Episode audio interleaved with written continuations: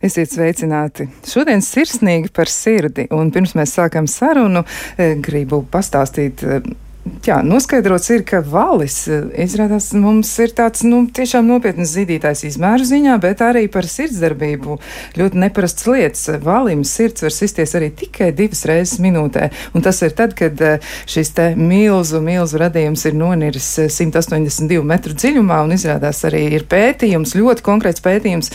Zinātnieki ir sekojuši vaļu tēviņam 15 gadus vecam Lielam vaļu tēviņam mēģināšu noskaidrot, kā tā sirds strādā. Un e, 37 sitieni minūtē ir tas e, nu, lielākais skaitlis, un savukārt 2 sitieni minūtē ir pats pats mazākais. Nu, ļoti neparasti patiesi, bet šodien mēs vairāk par sirdi cilvēkiem un par to, kas mums būtu jāzina par sirdi, kā mums būtu par sirdi jārūpējas, un arī dažādi gan sirds veselības profilaks jautājumi, gan arī kaut kas tāds, kas ir saistīts vairāk ar nu, jau kādām problēmām, kuras būtu jāpamana un arī jāatrisina.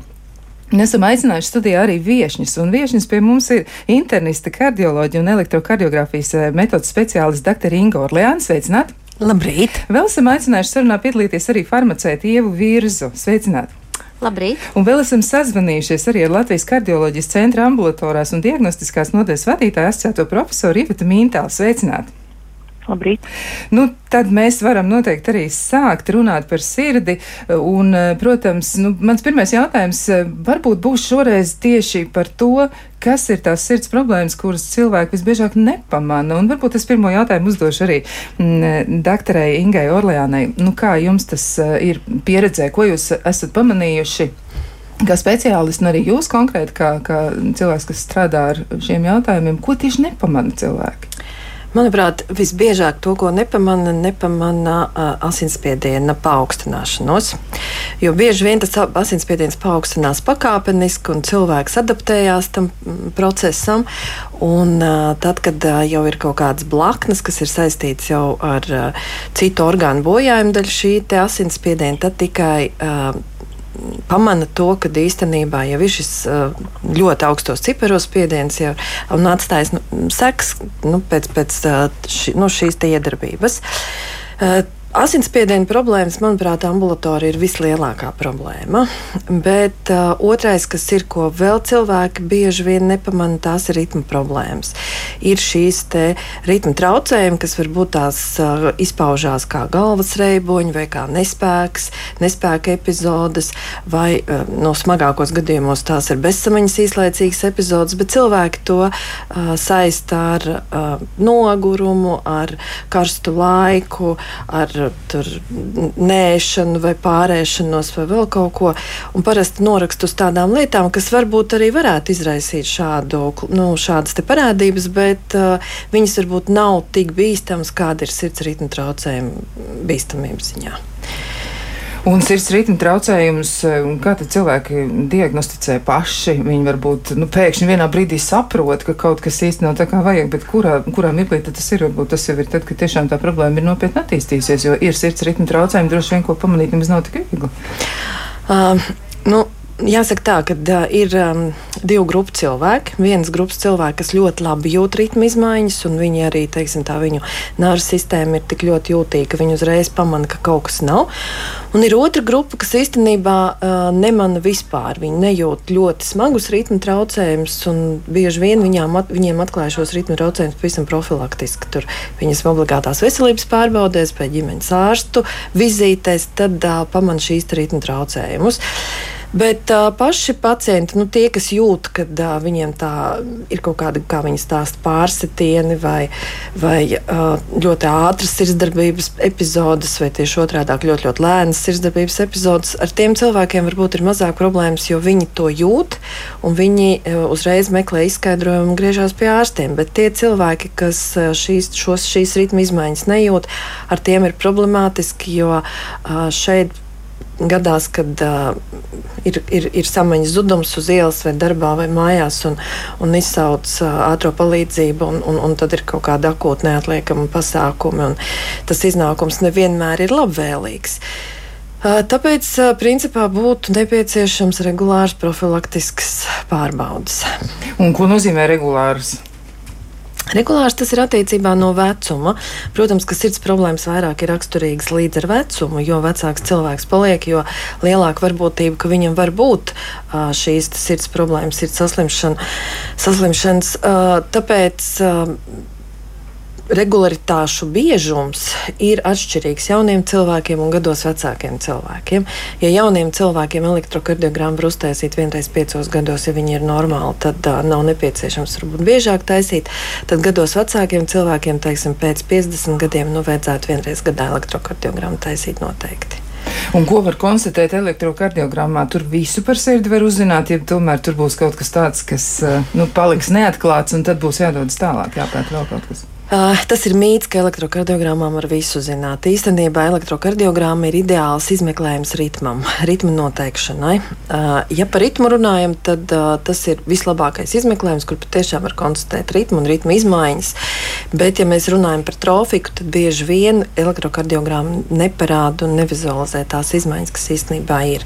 Ļoti bieži, nu ne ļoti bieži tas ir pārspīlēti, bet ir gadījumi, kad cilvēkiem ir smagi infarktu klīnika un elektrokardiogramma ir normāla tādas, tādas teiksim, epizodes arī ir sastopams. Tā kā elektrokardiogramma nav universāls izmeklējums, kas parāda absolūti visas problēmas, kas saistītas ar sirdi. Skaidrs, nu, te vieta būtu jautājumam, ko es gribētu uzdot asociācijai profesorai Ivetai Mintālai un jautāt par to, kādas tad ir sekas sirds ritmu traucējumiem, jo varētu jau likties, nu labi, tās sirds tur pārsitās vienu reizi, nu kas tad tur tāds, ja? Bet, nu, tomēr tās sekas varētu būt ārkārtīgi nopietnas. Varbūt jūs varētu raksturot gan tos sirds ritmu traucējumus, vismaz dažus variantus variantus, kā tas varētu būt, un arī kādas tad ir tās sekas? Nu, ja mēs runājam par ritmu traucējumiem, kas tiešām var arī mainīt pacienta dzīvi diezgan radikāli, tie, tā ir atrifibrilācija, jeb mirdzaritmija. Un uh, pārsvarā, kā jau doktori iepriekš minēja, uh, nu, ar, ar vecumu iespējamība šādai patoloģijai pieaug. Otrs variants, ka šādas patoloģijas ar ritmu traucēm var rasties pie ārkārtīgi lielām, pārspīlēt lielām uh, sirds pārslodzēm. Tas ir arī sportistiem nereti, kas pārspīlē ar savu fiskultūru un fiskultūras laikā uh, puls krietni pārsniedz submaksimālo pieļaujamo. Um, bet katrā ziņā tajā brīdī, kad ir iestājusies ātrī fibrilācija, mirdz aritmija, mums uzreiz ir jārēģē un jānozīmē terapija. Uh, Pirmkārt, ir jādomā par ritmu atjaunošanu, ja tas ir iespējams, un otrkārt, noteikti ir jādomā par insultu profilaks, jo šādā situācijā pieaug trombozes risks mazajos asinsvados, un pirmais, pirmā katastrofa, ko var sagaidīt, ir insults. Otrā katastrofa, ja mēs nepieskatām šo situāciju, ir sirds konfigurācijas izmaiņas no sākuma cieši abi priekškambari, uh, un, un mainoties un paplašinoties priekškambariem, faktiski jau šīs ritmu traucējuma situācijas ir grūtāk ārstējams un neret pat neiespējams. Visu laiku atriju fibrillācija atgriežas un atgriežas, lai kā mēs to arī pieskatītu vai ārstētu. Metodas ir dažādas, ir medikamentozi, ir arī elektroimpulsu terapija, ir arī ablācija. Nu, katrā ziņā to jau var atstāt tālāk ārstu rokās, kā ar to cīnīties, bet galvenais šo situāciju atrast. Pats vienkāršākais veids, kā to var konstatēt, var likt 24 stundu kardiogramu un tur arī noķert pat īsas ātrīs fibrillācijas epizodes. Nu, ja mēs runājam par vienkāršiem pārsitieniem, tas varbūt ir daudz vienkāršāk izrunāt savu ģimenes ārstu un atkal jau uzliekot holteru vai parastajā kardiogrammā, var noskaidrot, kāda veida uh, ekstrasistols tās ir, no kurienes viņas nāk, no kuras sirds daļas, un tad jau arī domāt, cik svarīgi viņas medikamentos ir ārstēt. Jā, jāsaka, nevienmēr visas ekstrasistols arī obligātā kārtā ir jāārstē, bet, nu, tas ir jāatstāj ārsta ziņā. Skaidrs. Nu, te ir jautājums arī par to, kā tad ir, jo ir dažādi mīti, ir jau cilvēkiem arī pieņēmumi par to, ka, nu, tā kā doktor teica, doktor Adlēna jau minēja to, ka ir cilvēkiem ideja, ka, nu, pēc 50, nu, tad ir jāiet pētīt savu sirds, un tad jādomā par to, ko tad tas ar sevi dara, mēģina noskaidrot tur kaut kādas lietas vēl. Bet uh, tomēr varbūt arī farmaceita Ieva Virza, balstoties arī uz pētījumu datiem, kas ir, nu, relatīvi nesen noticis, ir aprīlī arī bijis kāds pētījums uh, par cilvēku priekšstatiem tieši par sirds eh, izmeklējumiem un arī par to, nu, kad tad tie būtu jāuzsāk. Ko jūs varētu par to teikt, ko vispār cilvēki domā par šo? Nu jā, šie divi pēdējie gadi protams, ir bijuši bīstami ne tikai ar to, ka mēs esam pacienti ir baidījušies saslimt ar covid, bet arī noteikti ļoti liels sloks eh, visiem hroniskajiem pacientiem, par ko jau iepriekš arī doktori runāja. Tātad eh, kardiovaskulārie pacienti, kuriem faktiski šos divus gadus ārstēšana bija viņu rokās, eh, konsultācijas bija attālinātas, diagnostikas iespējas bija salīdzinoši mazas, un tika ekspresa diagnostika veikta mājās, eh, labākā gadījumā, ja kāda akūtāka situācija pie mums aptiekā. Bet, Bet šie divi gadi, un īpaši pēdējais pusgads, ir parādījis mums to ikdienā strādājot un tiešām runājot ar vairākiem simtiem pacientu aptiekā. Eh, arvien vairāk jautājumu ir no pacientu puses tieši par sirds veselību, par sirds stāvokli, par kā, dažādiem simptomiem, um, vai nu informatīvi, vai arī lūdzot eh, tātad mērīt asinsspiedienu, um, tātad par holesterīnu līmeni. Šie jautājumi ir bijuši daudz biežāk nekā iepriekš, un uh, tas mums lika arī mums pašiem. Um, domāt vairāk uh, vēlreiz un vēlreiz par sirdi, kā rezultātā noteikti tas ir viens no faktoriem, kāpēc tieši jūnijā mēnesis aptiekās saucās sirds mēnesis. Mēs par to vairāk runāsim, informēsim pacientus, un tā viena no tām lielākām problēmām ir tā, ka pēdējā laikā tieši ar šiem jautājumiem pie mums vēršās gados jauni cilvēki, un tas ir tas, kas apstiprina šo pēdējā laika tendenci, ka mēs sākam runāt par to, ka spiediens sākam ar spiedienu, ar holesterīnu, ir jāsāk mērīt ne tikai pēc 50 gadiem, arī jauniem pacientiem mēdz būt augsti holesterīni un paaugstināts asinsspiediens, ko viņi varbūt savas jaunības dēļ nemaz tā uzreiz nepamana un nesasaista visus šos simptomus kopā. Ja?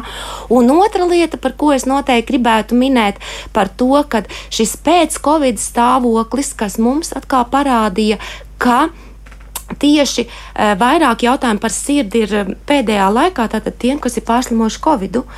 Un tā vairāk pētījumu, protams, pasaulē ir bijuši par šo, un tāds viens no pēdējiem pētījumiem, ko es arī nesen apskatīju, ir ASV veikts, kur uh, Tātad bija pacienti pēc 65 gadu vecuma, un pēc covid pat salīdzinoši vieglā formā pārslimota covid pieauga par 63% eh, risks saslimt ar kardiovaskulārām saslimšanām. Tātad tas ir pietiekami liels risks, un mēs to ikdienā redzam un ar to saskaramies.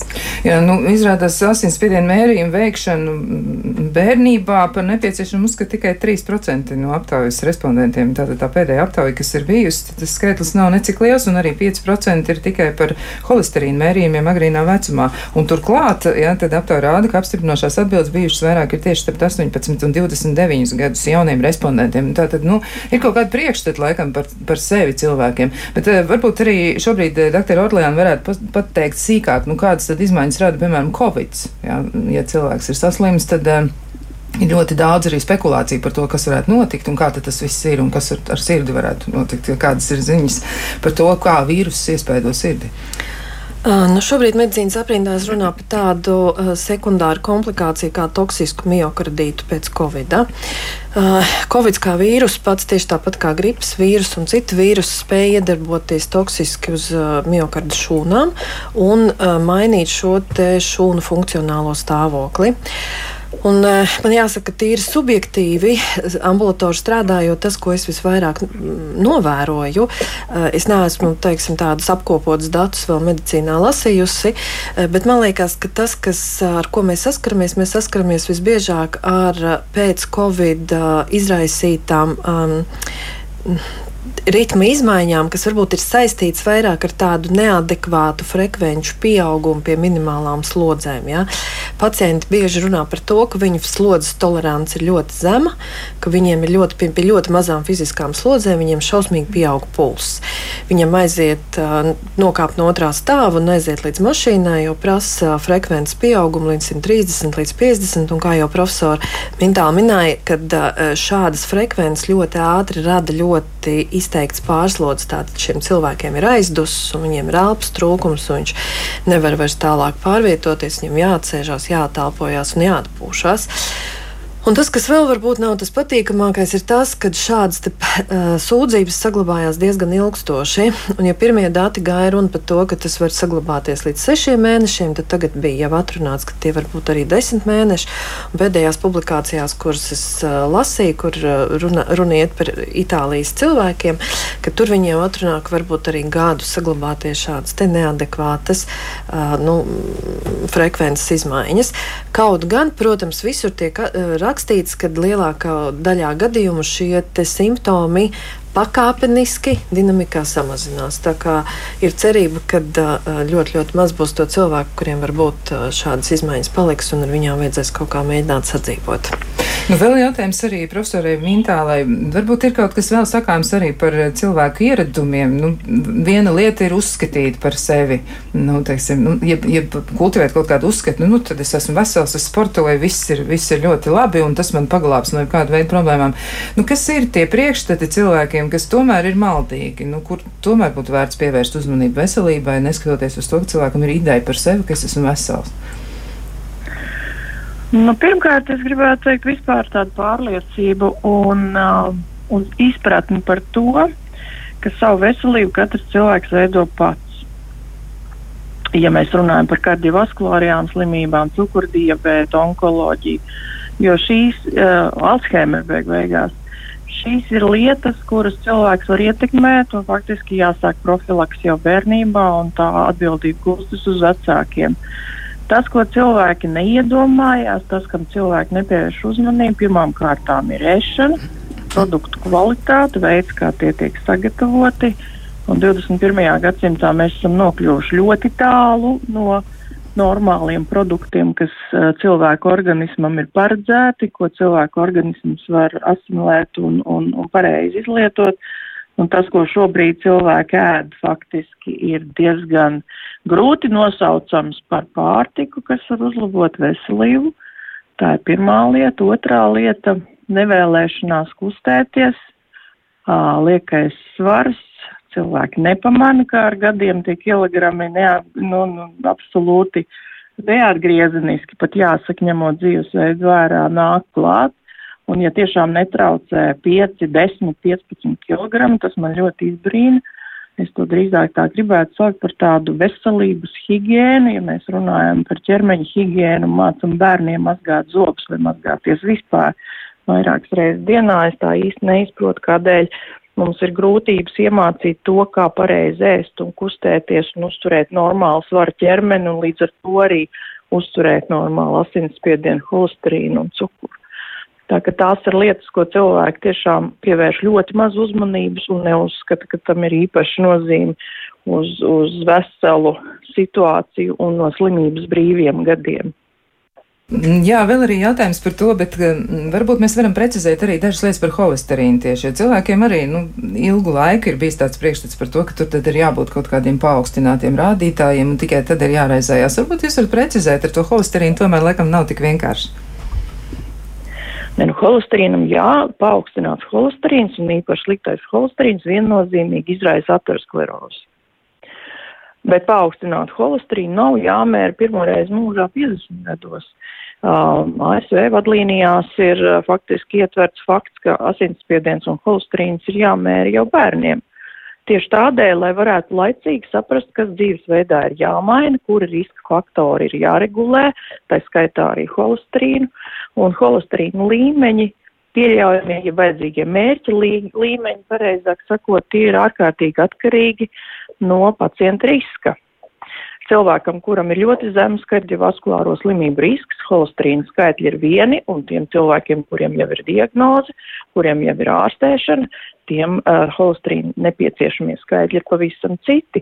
Un katru gadu mums nāk jauni pierādījumi klāt, par neviens nešaubās par to, ka holesterīns ir jāregulē un jāmazina, bet nāk jauni pierādījumi klāt par to, cik zemam būtu jābūt holesterīnam, lai mēs ar lielu pārliecību varētu domāt, ka esam apturējuši aterosklerozi. Jo izārstēt aterosklerozi mēs nevaram, kad tā ir iestājusies. Jā, nu, tā tad ir tomēr par to jādomā.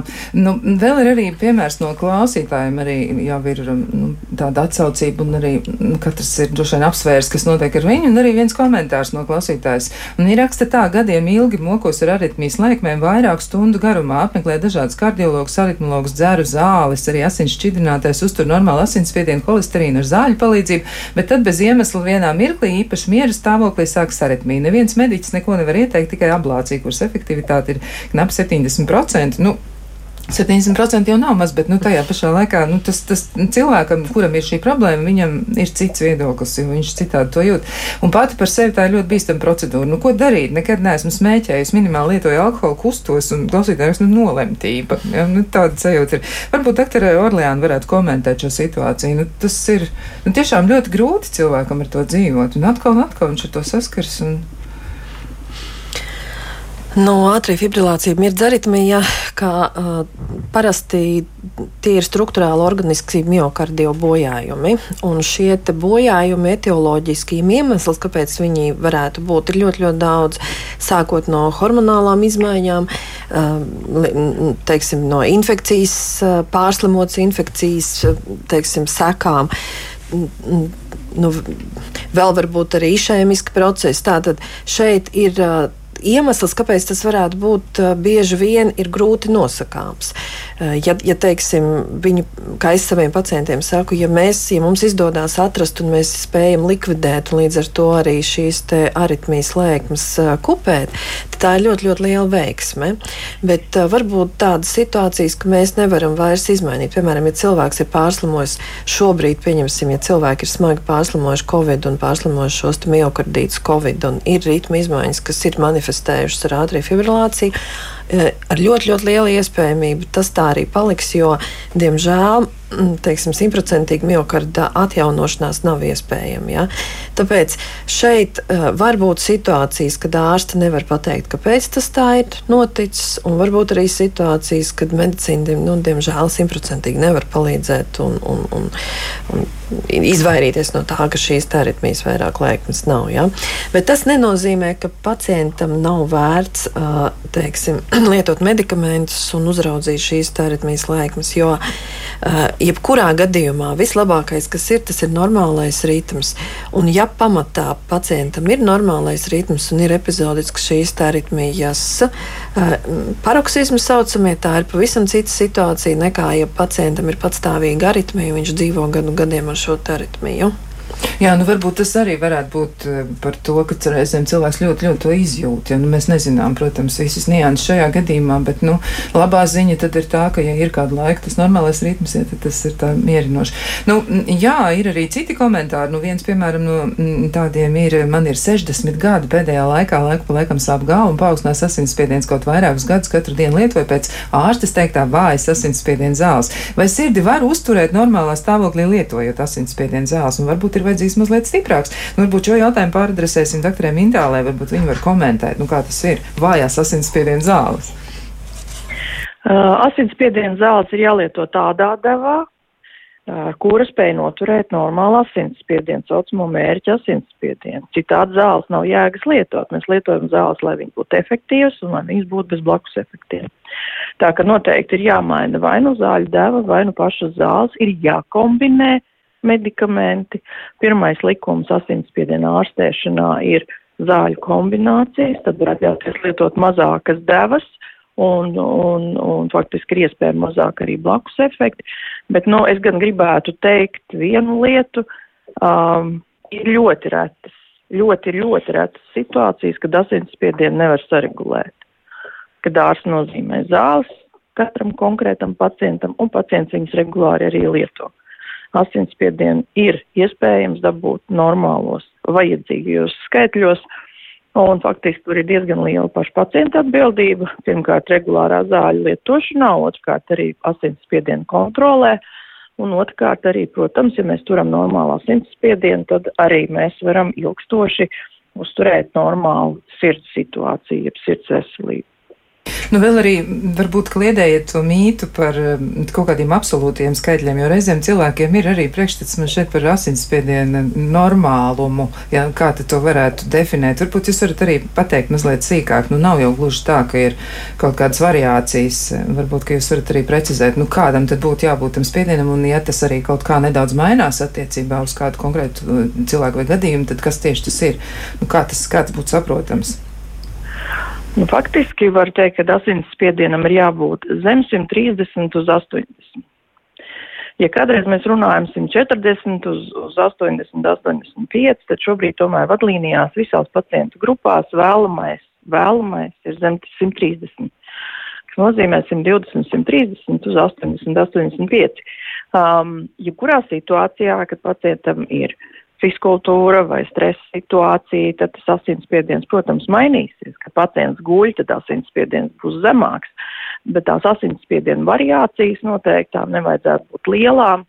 15 mm dzīvesudraba staba varētu būt tās asinsspiediena variācijas normas robežās un pieļaujamās. Bet uh, katrā ziņā Uh, pacientiem pašiem būtu jāiemācās arī mērīt asinsspiedienu, lai to varētu arī konstatēt mājās, kontrolēt mājās, nu, vienīgais jautājums pacients vajadzētu iemācīt pareizi to darīt. Sēdēt mierā kāds minūtes piecas, izmērīt asinsspiedienu trīs reizes, nu, un tad tas idejas rādītājs būs pareizais. Jā, nu tā tad atkārtot, tas ir jādara. Nebūs tā, ka nopļauj zāli, pusi dārzā atskrien mājās, žigli izmēra un tad sabīstās no tiem visiem skaitļiem. Jā, nu ir diezgan daudz jautājumu, arī daudz komentāru no klausītājiem, bet par šo visu mēs turpināsim sarunu pēc īsa brīža. Kā labāk dzīvot? Turpinām sarunu par to, kā parūpēties par savu sirdi un arī par to, kā pamanīt laikus, ka sirdī ir notikušas kādas izmaiņas, vai arī nu, jau ir kaut kas, kas liecina par to, ka nu, pat ir īstais brīdis eh, papētīt vairāk un uh, izprast, kas tieši tur notiek. Un atgādināšu arī par studijas viešņām. Pie mums ir internista kardioloģija, elektrokardiogrāfijas eh, metodas speciāliste dr. Inga Orleāne, farmaceita Ieva Virza un arī Latvijas kardioloģijas centra ambulatorās un diagnostiskās nodaļas vadītāja asociētā profesora Iveta Mintāla.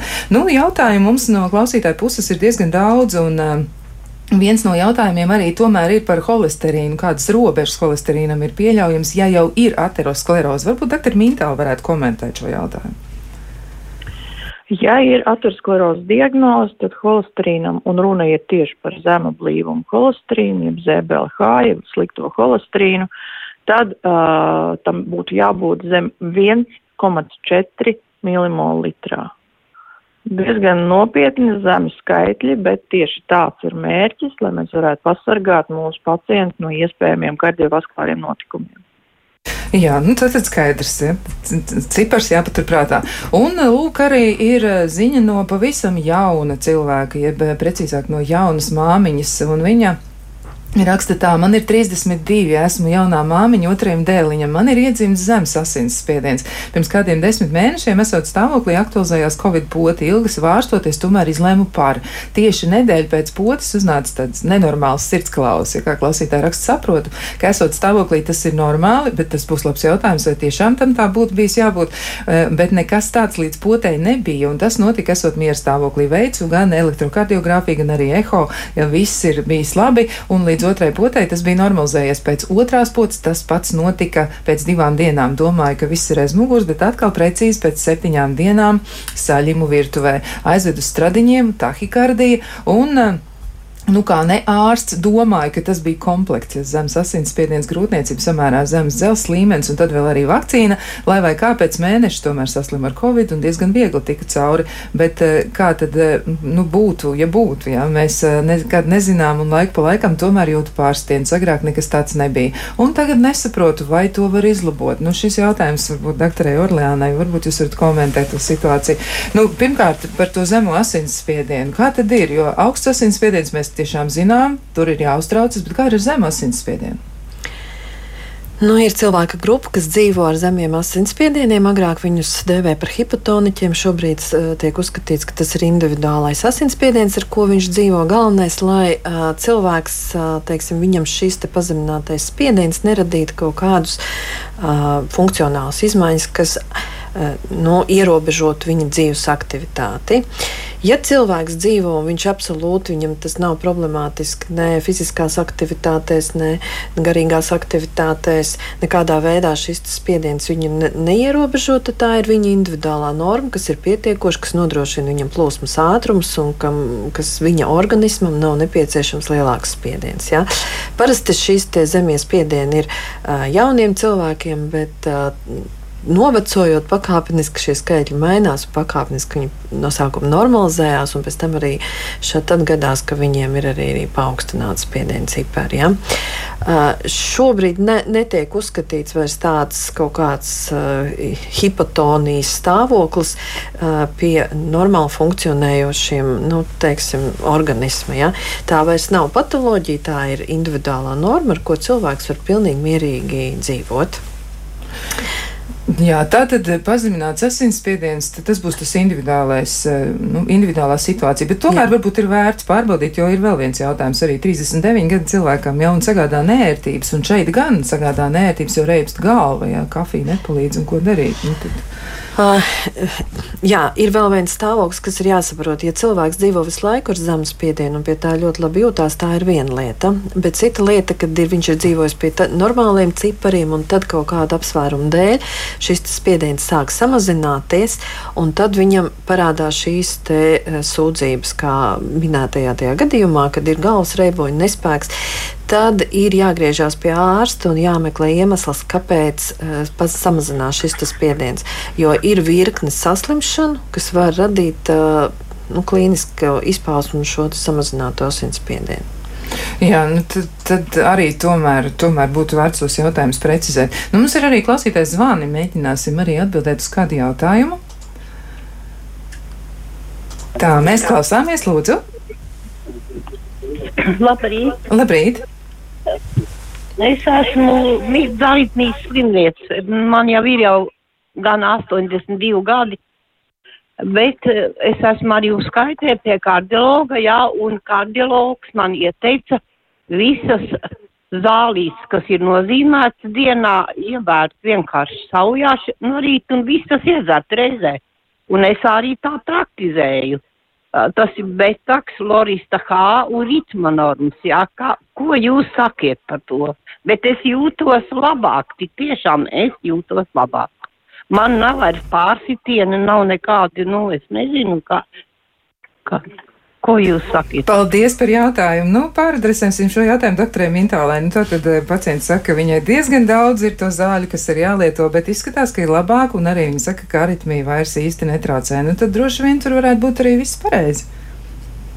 Nu, patiesībā zāles ir jālieto tādēļ, lai būtu labāk. Un zāles lietojot, kā redzam, arī ir labāk. Un padomu ir devis kardiologs, pie tam zāles, kuras drīkst dzert visas reizē tāpēc, ka mūsdienīgas zāles darbojas 24 stundas. Katrai zālē ir sava zāļu forma. Es domāju, farmaceits to visu varēs izstāstīt sīkāk. Kādā veidā arī tiek nodrošināta 24 stundu iedarbība. Katrai varbūt katram medikamentam ir cita uzsūkšanās vieta. Tā kā man šeit nav ko piebilst. Pati pacienta uzdeva jautājumu pat arī atbildēja, ka viss ir labi. Tā arī jādara. Viss ir labi, tā arī jādara. Nu, tā ir laba ziņa, tiešām viss strādā. Bet eh, runājot par zālēm un vispār par medikamentiem, noteikti arī farmaceitam ir ko teikt par to, jo droši vien cilvēki, tad, kad viņi, nu, piemēram, secina, viņiem sāp galva, viņi iet uz aptieku un saka, nu, tad iedodiet man kaut ko pret galvas sāpēm. Tas tomēr arī nav tik nevainīgi. Varbūt jūs varat raksturot zāles, zāļu vielas un eh, arī dažādu medikamentu iedarbību un saistību ar sirds eh, asinsvadu sistēmas problēmām. Jā, protams, ikdienā eh, viens no biežākajiem sūdzībām, protams, ir eh, sāpoša galva. Tā tas ir gan jauniem pacientiem, gan arī gados pacientiem. Un eh, varbūt procentuāli sievietēm vairāk nekā vīriešiem, bet um, mēs reti kad iedomājamies par to, ka arī tas var būt viens no simptomiem, ka ir paaugstināts asinsspiediens, jo mēs domājam, mēs esam jauni, fiziski aktīvi, eh, esam veselīgā dzīvesveida piekritēji, bet um, reti noteikti kurš var iedomāties, ka kaut vai ilgstoši lietojot hormonālo kontracepciju, ja, ko sievietes tiešām gadiem lieto, un atverot šo anotāciju, varbūt ko sievietes sākušas lietot pēc, pirms pieciem, sešiem gadiem, vienreiz ir izlasīts un sen jau ir aizmirsts par par to, ka arī kontracepcija hormonālai ir ieraksts anotācijā, ka uh, šīs tabletes var paaugstināt asinsspiedienu un gandrīz jebkura, kur satura estrogēnu īpaši. Protams, tas ir atkarīgs no estrogēna devas, ja, un no ilguma, kādu sieviete lieto. No ļoti daudziem faktoriem tas ir atkarīgs. Ja tā tad viena šāda lieta, kas var paaugstināt spiedienu un izsaukt galvas sāpes. Savukārt, ja mēs paskatāmies, eh, kas notiek ar šo sievieti, kura lieto kontracepciju katru dienu, bet atnāk nopirkt pretsāpju tableti pret, pret galvas sāpēm. Arī pretsāpju medikamenti paši par sevi var paaugstināt asinsspiedienu. E, mūsu pazīstamais e, aspirīns, jā, varbūt kuru let, retāk lieto. Naproxēns, ibuprofēns, kuru tiešām biežāk mēs lietojam. Ja? Tātad mēs jau jūtam šo komplekso iedarbību. Tātad mums ir hormonālais fons, mēs pa virsmu uzdzeram precāpi tableti. Varbūt mēs eh, vakarā vai no rīta iedzeram kādu fitopreparātu, uzturbagātinātāju, tēju, kas liekas eh, dabiska un nevainīga un labam miegam vai gluži otrādi dienas laikā enerģijai, bet savukārt ir arī vesela rinda augu. Eh, tā skaitā lakrica, ārnika, um, gorāna, ženšeņš, kuri paši par sevi viņiem ir iespēja paaugstināt spiedienu. Eh, protams, ir, mēs varētu ļoti gari runāt, tā skatā arī antidepresanti ir, kuri ilgstoši mēs lietojam ilgstoši. Arī šie medikamenti var paaugstināt asinsspiedienu. Kas notiek tajā brīdī, ja mēs uzvaram kas, tasi kafijas pa virsmu arī tēju. vai zaļo tēju? Jā. Tātad, ja mēs paskatāmies, ko mēs darām dienas laikā, ja, protams, mēs esam veseli, jauni un tiešām esam kontrolējuši savu asinsspiedienu, viņš ir normas robežās, viss ir ļoti ļoti labi, bet vienmēr ir jāatcerās un jāpalasa šīs anotācijas, vai jānāk mums prasīt uz aptieku, jo tiešām mēs par zālēm laikam visvairāk varēsim atbildēt uz visiem jautājumiem. Ir ļoti, ļoti daudz medikamenti, kas var ietekmēt asinsspiedienu. Nu, tā tad ļoti prātīgiem būtu jābūt, bet eh, vēl arī atgriežoties pie iepriekšējā jautājuma par zemu asinsspiedienu, nu, tā klausītāja nav, viņa nav vienīgā, kur uzdot šo jautājumu, bet uh, tomēr arī vēl bija tas otrs aspekts par tiem pārsitieniem. Ja doktor Orlēna teica, ka nu, problēmas uh, saistībā ar covid ja varētu būt nu, gadu, ja, aptuveni gadu pēc uh, pārslimošanas, un arī iespējams, ka vakcīna iespēja cilvēks, bet uh, nu, šis bija jautājums par to, kā tad ar tiem pārsitieniem. Un droši vien tad ir jāiet pie ārsta un jāprecizē. Uh, nu, Principā cilvēkam ir fizioloģiska kompensācijas reakcija. Ja uh, krītās spiediens, tad, lai šo spiedienu uh, noturētu normas robežās, lai šie plūsmas ātrumi nesamazinātos un cirkulācija nebūtu traucēta organismā, tad pirmais mehānisms, kas teiksim, mēģina to kompensēt, ir frekvences pieaugums. Sirdsdarbības frekvence ir pulsa pieaugums. Un šeit ļoti strauji pieaugot pulsam, lai varētu vispār teiksim, kom, nu, kompensēt var manifestēt ekstrasistols, un tās ir fizioloģiskas ekstrasistols. Tās nav patoloģiskas. Šīs papildus kontrakcijas sirds uh, rodās, lai uh, palīdzētu ātrāk uh, noturēt šo te, teiksim, asinsspiedienu un hemodinamiku, uh, lai, te, nu, lai nebūtu kaut kāda asinsrites traucējumi. Tā kā konkrētās situācijās nevienmēr uzreiz var teikt, ka tas ir. Uh, tāpēc jau doktor profesora Mintāla teica, ka ja ir šīs pārsatiena ekstrasistols ir jādodas pie ārsta, lai izvērtētu, kas viņas ir, kādās situācijās viņas ir, vai viņas ir teiksim, prognostiski nelabvēlīgas, vai tieši otrādākas viņas ir fizioloģiskas un viņas ir asins cirkulācijas uzturēšanai, teiksim, vērstas uz šo uzturēšanu. Jā. Tā tad, nu, tomēr, tomēr tad ir jāprecizē, kā tas būs. Jo tāpat vien jau droši vien to secinājumu izdarīt nebūs tik vienkārši. Bet, nu, Mājas apstākļos to nevar izdarīt. Jā, nu nekādi. Un vēl arī jautājums par to, kad būtu jāsāk par sevi rūpēties, jo arī nu, aptauja liecināja par to, ka jauni cilvēki tomēr vairāk ir noraizējušies un viņi ir gatavi ieguldīt gan laiku, gan enerģiju tajā, lai nu, izpētītu, kas tad ar viņu veselības stāvokli ir. Bet izskatās arī, ka paši ārsti reizēm ir mazliet skeptiskāki nekā paši pacienti. Un Redz, kur mums ir piemērs. Viens no klausītājiem raksta, man ir 28 gadi. Bija nesen pie ģimenes ārsta, lai saņemtu nosūtījumus profilaktiskajām asins analīzēm, taču viņi pasmējās un negribēja nosūtīt uz holesterīnu pārbaudēm, jo teica, ka man taču nav 40 gadu. Varbūt doktori Mintāli varētu komentēt to, ka 40 gadi taču nav jāgaida, lai noskaidrotu, kas ar holesterīnu notiek. Nu, es pieļauju, ka šajā situācijā ir drusciņi citi pieturas punkti. Jā, būtu jātaisa profilaktiskā apskate, bet uh, attiecībā uz kardiovaskulārajām slimībām mums ir valsts programma uh, pacientiem 40 gados, katrs 5 gadus noteikti um, skoru risku, kurā ietilpst arī holesterīna rādītāji. Um, un līdz ar to Nu, zināmā mērā šis fakts ir uzlikts uz pašu pacientu pleciem. Viņi var vēlaties un nosakot savus analīzes. Um, varbūt nu, vēlams arī ar ģimenes ārstu ieteikumu, bet tieši tādēļ tad vajadzētu, varbūt, ja ir kaut kādas sūdzības, varētu, varētu sarunāt ar ģimenes ārstu, saprast, pie kāda speciālista tālāk jāiet, un tad jau kopīgi varētu vienoties, kādām analīzēm būtu jābūt līdzi. Ja sūdzība nav par profilaktiskajām apskatēm, nu, tāda konkrēta pārskata, manuprāt, ģimenes ārstiem konkrēti norādījumi, valsts apmaksātas analīzes nemaz īsti nav. Uh, nezinu, varbūt, ka kļūdos, bet, manuprāt, tā situācija ir tieši šāda. Uh, jo, diemžēl, tās vadlīnijas, ko mēs izstrādājam Eiropā, kopīgi visas dalību valstis, vadlīnijas dažādu slimību noteikšanā un ārstēšanā nav saistošas katrai konkrētai valstī, un to parasti pieņem um, Nacionālais veselības centrs, to pieņem uh, veselības ministrija. Tā kā vadlīnijas, par ko mēs runājam, par ko mēs esam pārliecināti, nevienmēr tik vienkārši ar valsts atbalstu ir īstenot praksē.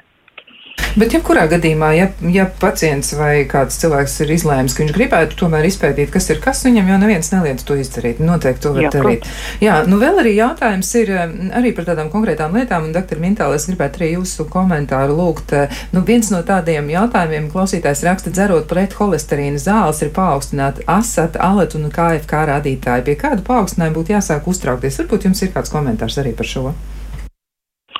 Nu, šeit atkal tas nav viennozīmīgi, ir jāskatās, vai pacients paralēli lieto vēl kaut ko citu, nereti pretiekais un pretsāpju zāles arī var šādu situāciju uh, izraisīt. Mums ir jāzina, kādi rādītāji asat un alat ir bijuši pirms statīnu lietošanas.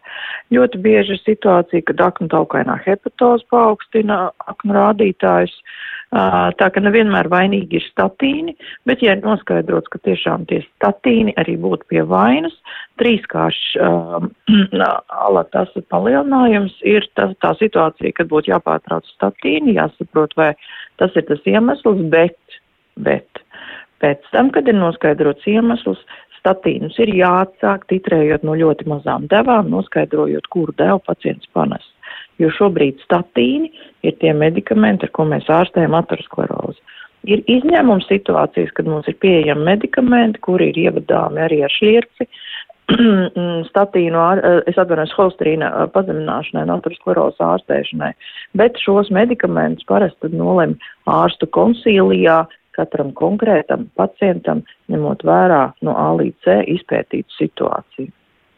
Labi. Nu, vēl arī ir tāds kompliments. Paldies par interesantiem raidījumiem un paldies arī uh, lektoriem. Šajā gadījumā tā ir dr. Mintāla par drosmi pareizi raksturot pārtiku, redzam un mūsu uh, cilvēku uzvedības uh, objektīvu raksturojumu. Jums bija diezgan skarbi vārdi sakām, droši vien arī katram ārstam ir kāds brīdis, kad laikam ir sirds pilna, pašam gribas pateikt, nu tad cilvēki taču dariet kaut ko savā labā. Un te arī jautājums par to, ko varētu darīt. Arī viena no klausītājām raksta tā, ka viņai ir 39 un atkal mums ir ļoti, ļoti jauns cilvēks cilvēks. Pēc Covid pārslimošanas parādījās problēmas, paaugstinājās pulss, spiediens staigā uz augšu uz leju, galvas reiboņi brīžam ir. Un vai man derētu kādas fiziskās aktivitātes, skriešana, nūjošana? Nu, varbūt eh, doktora Orleāna varētu komentēt, ko tad varētu darīt tādā situācijā? Mm, protams, ka fiziskās aktivitātes būtu tas, kas varētu to situāciju nostabilizēt. Vienīgais, ko uh, es gribētu piebilst pie tām fiziskām aktivitātēm, kad uh, mūsu klausītājiem bieži vien, vai maniem pacientiem bieži vien ir uh, tāds priekšstats, ka uh, viņš ir pārslimojis, viņš slikti jūtās, un tagad viņam vajadzētu palielināt šo fizisko aktivitāti, viņš sāk uzreiz ar ļoti lielām fiziskām slodzēm, un tās ļoti, nu, vai arī pārmērīgi lielas priekš viņa konkrēti fiziskās slodzes, varbūt viņas kopumā nemaz nav lielas, bet, bet konkrētajam pacientam viņas ir pa lielu, un tad pēc šīm fiziskām aktivitātēm ir tieši rekošets un, un, un pašsajūtas pasliktināšanās pasliktināšanās, un pacients griežās atkārtot un saka, kā nu tā, es sāku uzsāku, un viss man jūtos sliktāk, un ir vēl sliktāk nekā pirms tam fiziskām aktivitātēm. Tāpēc šeit runājot, ja runā pēc Covid un vispār, ja grib, teiksim, šīs te kardio slodzes veikt, tad uh, ir ļoti samērīga un pakāpeniska fiziskā slodze, kāda ir jāievēro un kā ir jātrenējas, lai uh, sirdi trenētu, nevis ne, nodarītu viņai jā, teiksim, pāri ar pārmērīgām slodzēm. Labi, nu tad eh, lēnām virzoties uz eh, mūsu sarunas noslēgumu, vēl arī tāds diezgan aktuāls jautājums ir, eh, kāpēc jūs runājat, ka sirds problēmas rodas vai var rasties tikai pēc pārslimot Covid manai sievai, un zinu vēl vismaz piecus cilvēkus, tos ar pašas ārsts, kuri sāka sirdi just pēc Covid potes, un vai mēs nerunājam par to politkorektumu dēļ, mums tāds jautājums ir. Nu, potēm arī var būt, ja vakcīnām arī var būt dažādas blaknes, ne, doktor Orleāna? Nu, būtu jums tāds Protams, komentārs. protams. Es domāju, ka mēs nevien, neviens nebrīnamies par to, ka var būt blaknes pēc ērča encefalīta potes, vai ne? Mēs nebrīnamies par to, ka bērniem var būt blaknes pēc difterijas potes un kad var būt blaknes pēc poliomielīta potes. Mums kaut kā nezinu, kāpēc ir tas covid, ka tieši pēc covid blaknes nevar būt. Covid ir arī pote, pēc kuras arī var būt tieši tāpat kā pēc visām potēm kaut kādas blaknes. Iet runa par to, kad, cik lielā mērā viņas tur ir izteikts. Un ir arī gadījumi, kad ir ļoti smagas blaknes bijušas un cilvēki ir stacionēti pēc šīm blaknēm. Es nekādā gadījumā nenoliedzu, ka kura pote ir imunoloģiski supresija organismam, un viņi var radīt kaut kādas blaknes. Tur tas ir, nu, teiksim, es domāju, ka tas nav debatējums jautājums. Nu, tā tad pilnīgi skaidrs, ka, ja mēs sagaidām nu, tādus potenciālus blakus efektus citās situācijās, arī šis nebūs izņēmums, un tā, protams, Jā. varētu arī gadīties. Vienīgais, ko es gribēju piebilst, ka jebkurā gadījumā pārslimots Covid, tā ir lielāka slodze organismam nekā pote viennozīmīgi. Un cilvēkiem, kuriem ir vienmēr jautājums, man ir pēc potes tagad radies, teiksim, tur pārsitienu vai vēl kaut kas uzdot, es vienmēr saku, saku uzdodiet sev jautājumu, kas būtu, ja jūs būtu pārslimojuši Covid bez potes. Tad situācija būtu droši vien absolūti citādāka. Jā, nu, tiešām diezgan daudz ir, protams, visādi jautājumi, un, un noteikti viņi arī būs. Gan jau, ka mēs pie šī temata atgriezīsimies, bet pašā, pašā noslēgumā, nu tad pēdējais teikums, jā, no klausītājs ir komentārs. Veicot sirds darbības pārbaudas, doktori pateica, ka man asinsspiediena normai jābūt 135 uz 85. Man ir 64 gadi. Vai tā var būt, vai tā būtu jābūt? Nu, tad, doktori Mintāli, pašā sarunas noslēgumā, tad jūsu slēdziens, vai šis asinsspiediens ir 64 gadu vecumā atbilstošs? Jā, nu pieaugot vecumam nav jāpieaug asinsspiedienam. Faktiski, kurā vecumā un arī kuru diagnozi mums tie asinsspiedienu skaitļi ir vienādi. Un es gribētu aicināt, tomēr, ja jums ir laba sadarbība ar savu ārstu, vai tas ir ģimenes ārsts vai kardiologs, uzticieties savam ārstam. Jo ārsti tomēr uh, ir tādēļ vien viņi strādā, ka viņi ir sev veltījuši citu cilvēku izglītošanai un paglābšanai no problēmām. Protams, mums ir uh, dažādas situācijas dzīvē, kā jebkurā profesijā, bet uh, es domāju, ka tā uzticēšanās ārstam un kopīgas sarunas ar ārstu un sagatavošanās pirms vizītes no pacienta puses, lai tiešām varētu izrunāt visu, kas ir nepieciešams un izprast lietu, lietas. Es domāju, ka tas tikai un viennozīmīgi veicinās kopēju sapratni un tālāku pacientu iespēju efektīvi uzturēt savu veselību. Jā, paldies par šiem vārdiem, un tas arī lielisks sarunas noslēgums. Šobrīd saku paldies internistē kardioloģijai, elektrokardiogrāfijas metodas speciālistē dr. Ingai Orleānai, arī farmaceitē Ievai Virzai un arī Latvijas kardioloģijas centra ambulatorās un diagnostiskās nodaļas vadītāja asociētajai profesorai Ivetai Mintālei. Ar jums kopā bija Kristiāna Lapiņa, bet par skaņu rūpējās šajā redzījumā Rīta Karnača.